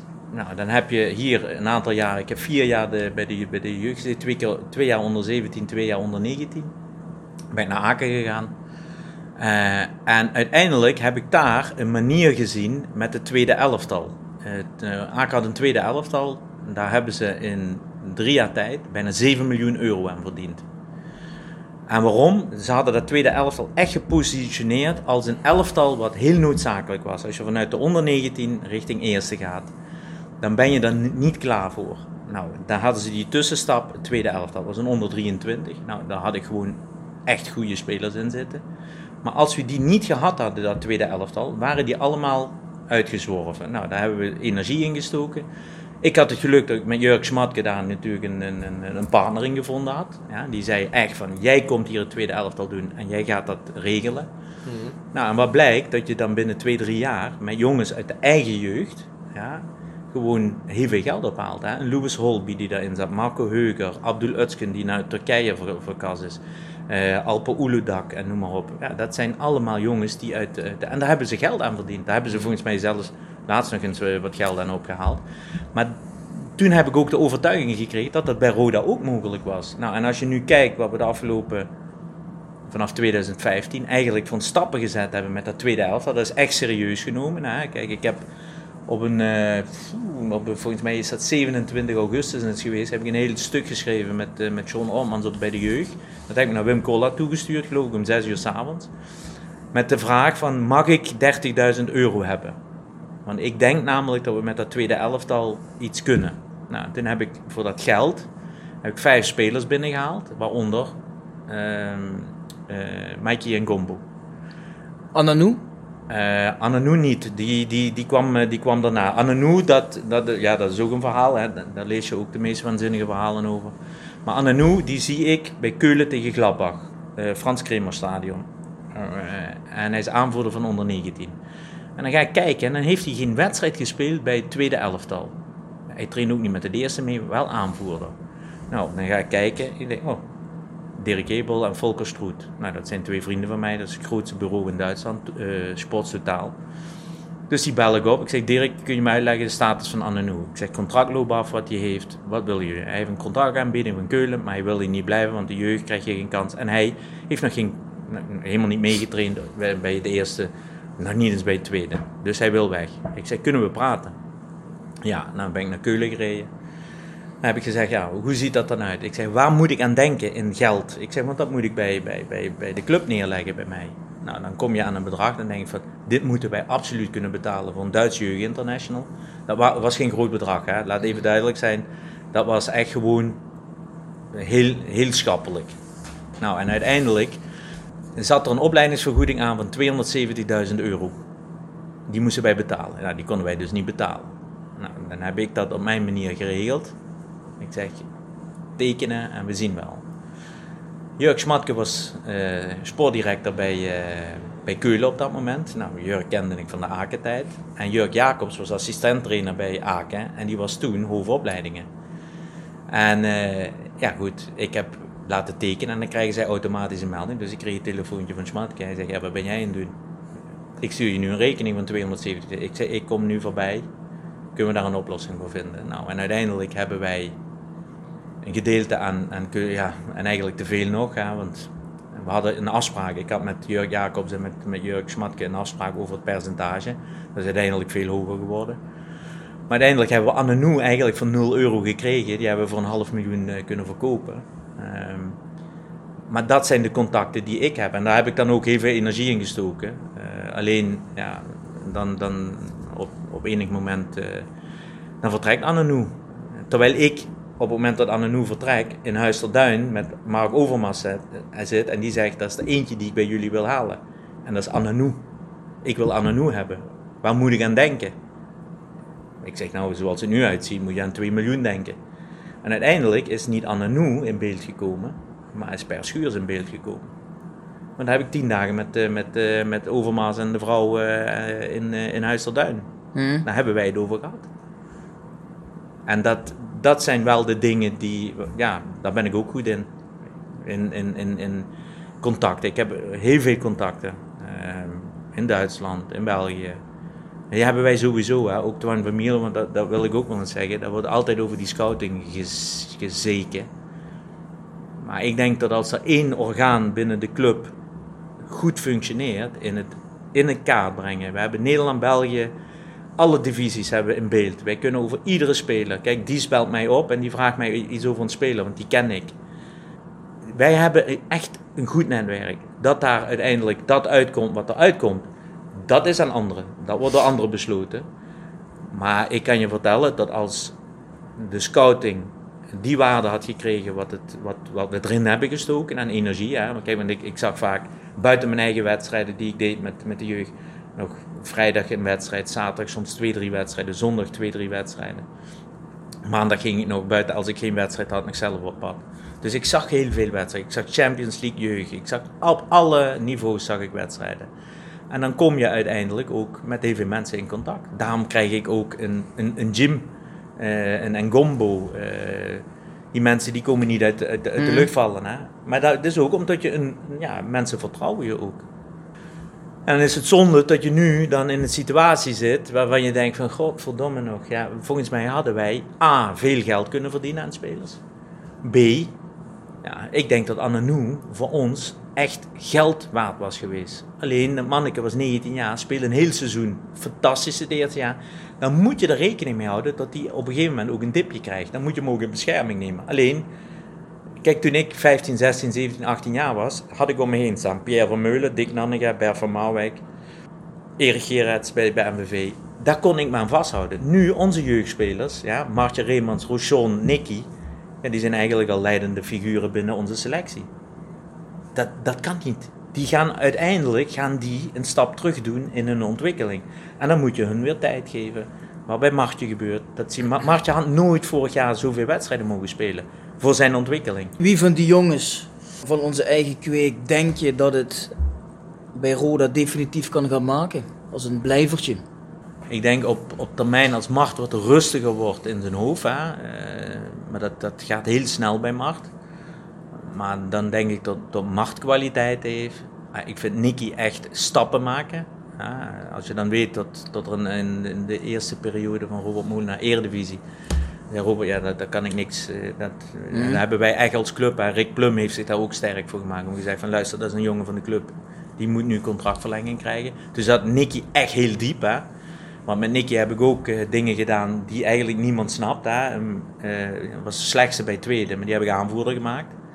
Iedere keer het veld op, jij gaat spelen, jij gaat spelen. Ook zijn omgeving dat uitgelegd, ja, wat ik daarmee deed. Dat heb ik ook met Mart gedaan. Dan ben ik zelfs bij de vader op het werk geweest om hem uit te leggen. Ja. Luister, dit gaat nu de komende weken met Mart gebeuren, de komende maanden. Hou rekening daarmee dat hij eens thuis komt en misschien je vrouw in elkaar timmert. Ja, want dit zijn we met hem aan doen. Nou, dat, dat hoor je dan ook, hè, dat Mart dat dan ook zo ervaren heeft. Nou, en Rochon heeft weer een andere aanpak nodig en Dico weer anders. Iedereen krijgt een andere aanpak, nooit hetzelfde. Ja, en dat heb ik bij Nicky ook gedaan. Ik heb bij Nicky, die ben ik zelfs uh, s'nachts achtervolgd waar hij uh, in een shisha lounge uh, terecht kwam. Waar ze alcohol aan hem schonken terwijl hij 16 jaar was. En dan heb ik hem gezegd, kom maar even zondagochtend. Je bent daar en daar geweest. Ja, dan schrikken ze. Maar ook dat doe ik. Ja, en dat, dat is omdat ik omdat ik daarvan overtuigd ben, als ik, eh, eh, ook dat met dat gevangenisverhaal, dat doe ik uit overtuiging, omdat ik iets zie in degene waar ik mee te maken heb. En als het dan uiteindelijk niet lukt, dan hebben we er wel alles aan gedaan. Dus je denkt, Mart en Nicky zijn wel twee jongens die... Maar ik denk ook Rochon. Rochon ook? Ja, alleen Rochon, ja, Rochon heeft iets over zich. Die kan heel hard werken naar iets toe, dan heeft hij het bereikt en dan kakt hij in. En dan zie je ook weer dat wat hem in de weg staat. Ja, en dan gaat hij discussiëren. En, en, ja, en bij mij mag je discussiëren, alleen dat ben je toch nooit. Hè? Maar, Rouchon en ik hebben wat dat betreft echt waardering ook voor. Ik heb ook waardering voor Rouchon gekregen. Hè? Want als je gaat kijken, al die jongens, ja, die komen toch naar Kerkrade. Rouchon heeft hier een jaar voor 0 euro ja. gewoon in Kerkrade gewoond, op zichzelf. Hè? Want die ouders zijn niet breed. Nou, dan duw je er eens af en toe eens wat geld in. Uh, uh, maar ik had, ik had met, met Hessel geregeld uh, vijf studiootjes op het Oranjeplein. Daar zaten veertien donkere spelers in. Hè? Kijk, als je, als je bij mij, ja, het werk had, hè, een kleedlokaal bij mij, ja, als advocaat. Ja, dat waren die jongens, hè, die zaten bij mij in de tuin. Ik moest een karweitje opgelost. Ik zeg, jullie allemaal, die vijf donkere bij mij werken. En dan zat schoonvader, uh, die was dan, ja, ik zeg, die komen helpen. En dat deden ze dan ook. Alleen, als je dan met die gasten een, een, een dag doorbrengt, en mijn schoonvader en, en ook mijn vrouw, die wel een hele hoop wist. Maar die hebben echt zo gezeten. Wat is dit? Ik zeg, ja, dan mag ik daar. Maar die gasten, die gaan wel voor je door het vuur. Die worden door, bij de geboorte midden op straat gezet en zie je maar te redden. Vorig jaar kreeg ik een groep met allemaal blanken. Ja, dat was voor mij horror. Dat waren allemaal Rooms-Katholiek en beschermd van thuis uit. Dan heb ik ook tegen Danny gezegd na drie dagen, met deze groep ga ik ruzie krijgen nul eigen initiatief. Terwijl die gasten, daar zei ik één keer iets tegen. En dan werd het geregeld. Treuner wordt geregeld. Ah, ja. ja, dus... Maar je moet wel weten wie tegenover je zit. Ja, en dan moet je een hele hoop energie insteken. Maar je krijgt ook telefoontjes, trainer ben je naar het nieuws in kijken. Ja, ja, ik mag ik morgen thuis blijven, want ze hebben net een neef van mij geliquideerd. Ja, daar moet je ook rekening mee houden. Of mijn broer is neergestoken.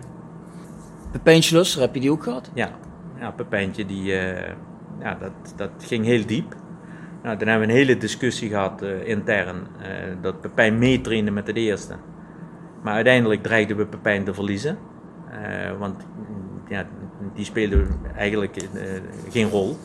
Ja, bij het 11 tegen 11 mocht hij wel of niet meedoen. En toen hebben wij gezegd, na de winter, Pepijn moet terug naar tweede komen.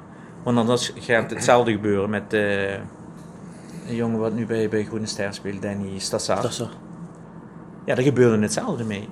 En dat was een eigen jongen die we gewoon aan een amateurclub verloren, omdat we daar gewoon fout mee om zijn gegaan. Nou, en Pepijn, ja, die hebben we teruggekregen. Heel moeilijk, hè? ook gesprekken met zijn ouders eh, gevoerd. Echt lange gesprekken. Ook uitgelegd waarom dat we dat deden, vertrouwen houden.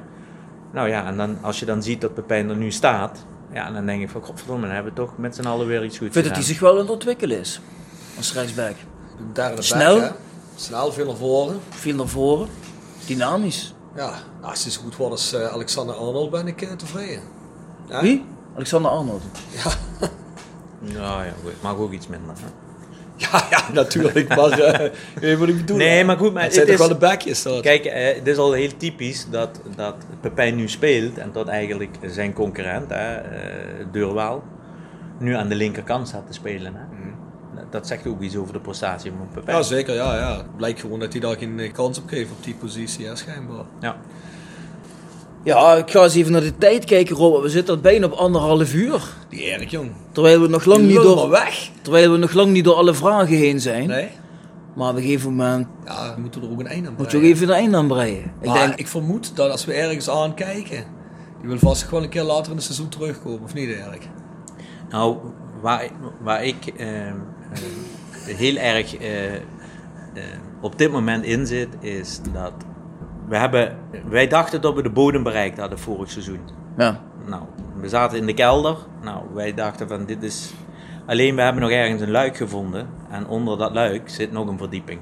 Nou, en die hebben we denk ik nu bereikt. Daar zit geen luik meer. En eh, ja, ik denk dat we nu, nu ook op een punt zijn aangekomen dat we moeten gaan, eh, gaan, gaan bouwen. Kunnen gaan bouwen. Met hele beperkte middelen, maar dat maakt je ook heel creatief.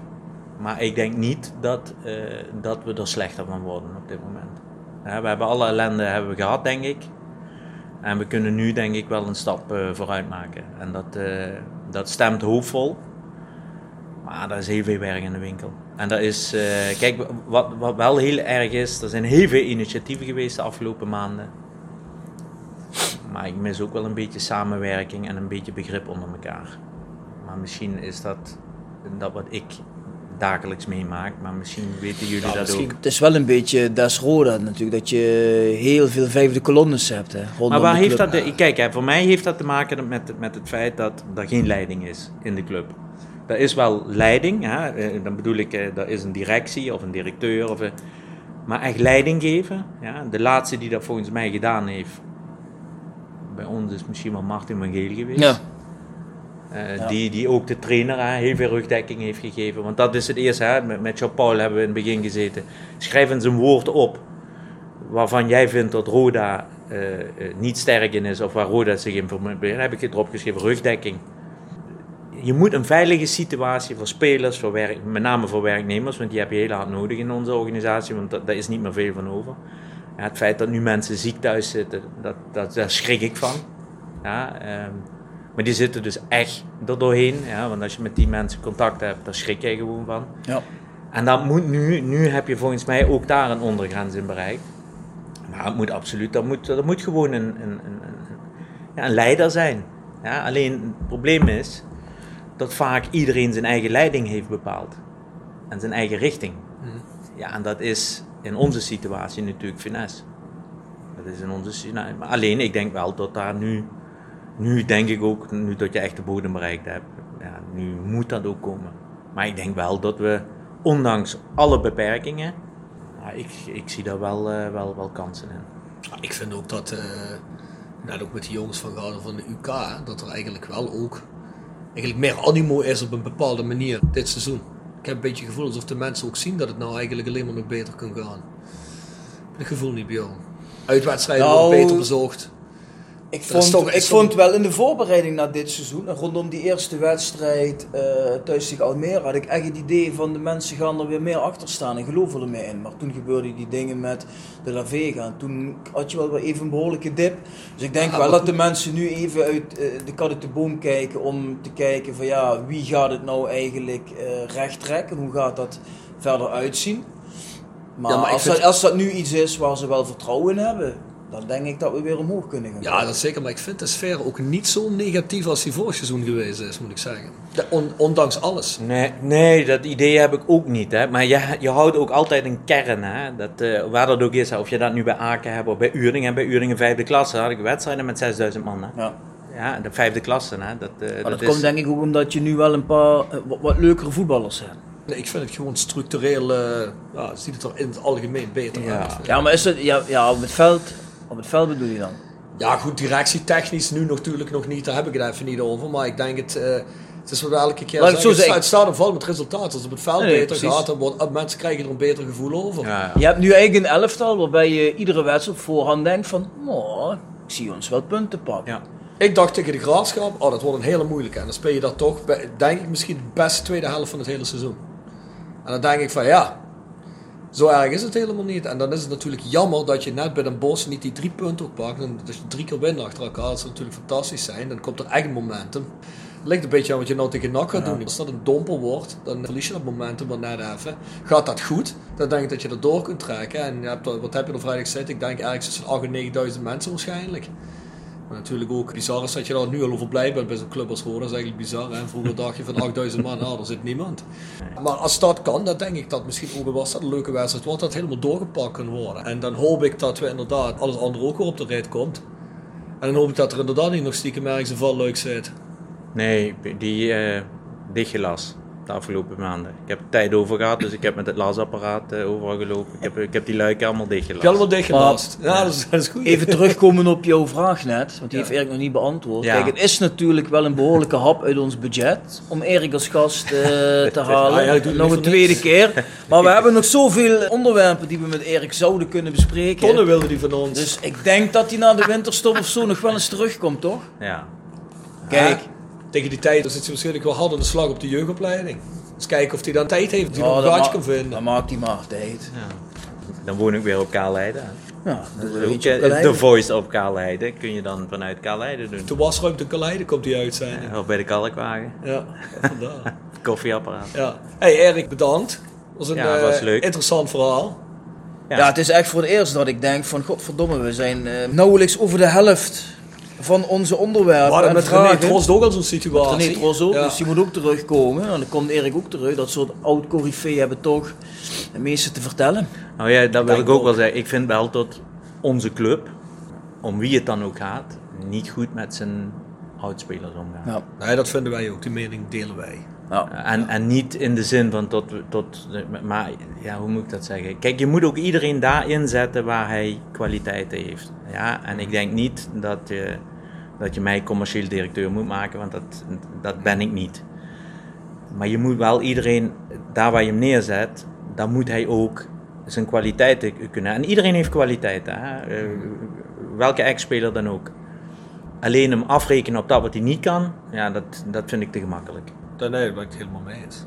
En dat, ja, de eh, warmte moet eigenlijk weer terug in de club. Hè.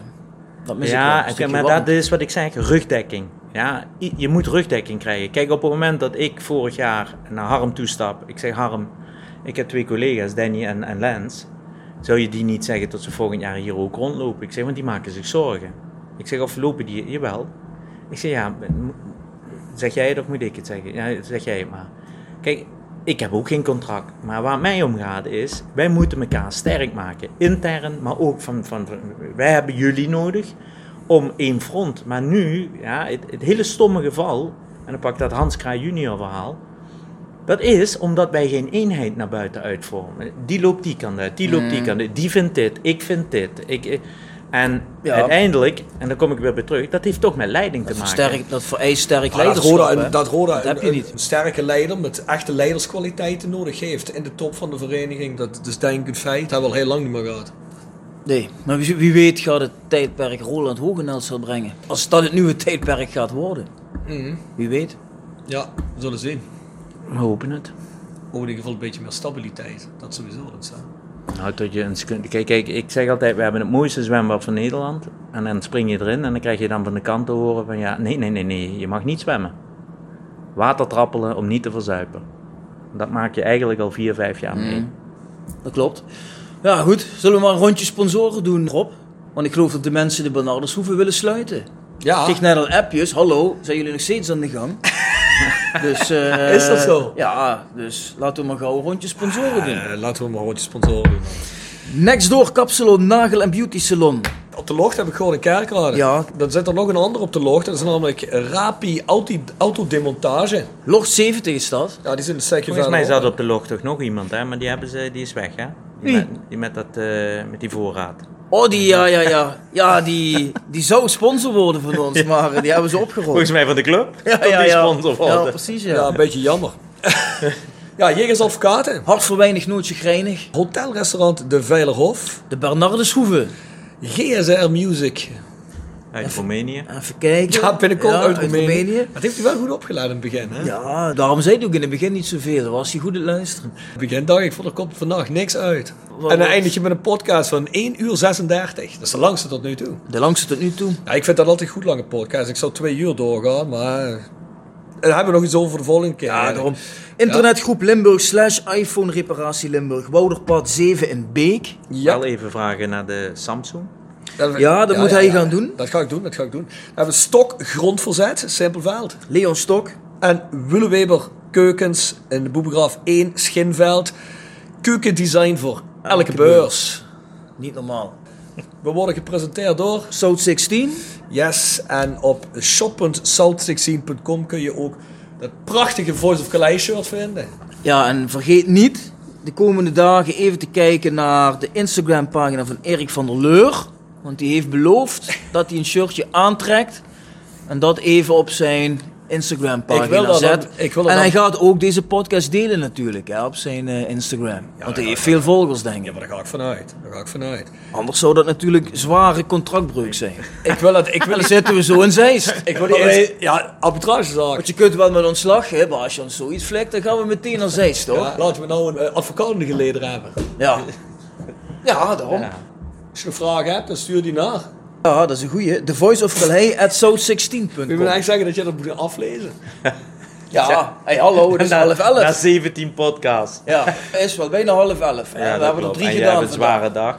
Een zware dag gehad. Ja, ik, wel met die Instagram met dat shirt wil ik wel allemaal die dansende mannetjes. En Ja, ja, ja, ja, ja. als ik die niet krijg en niet zo'n leuk muziekje erbij, dan ben ik teleurgesteld. Ik ook.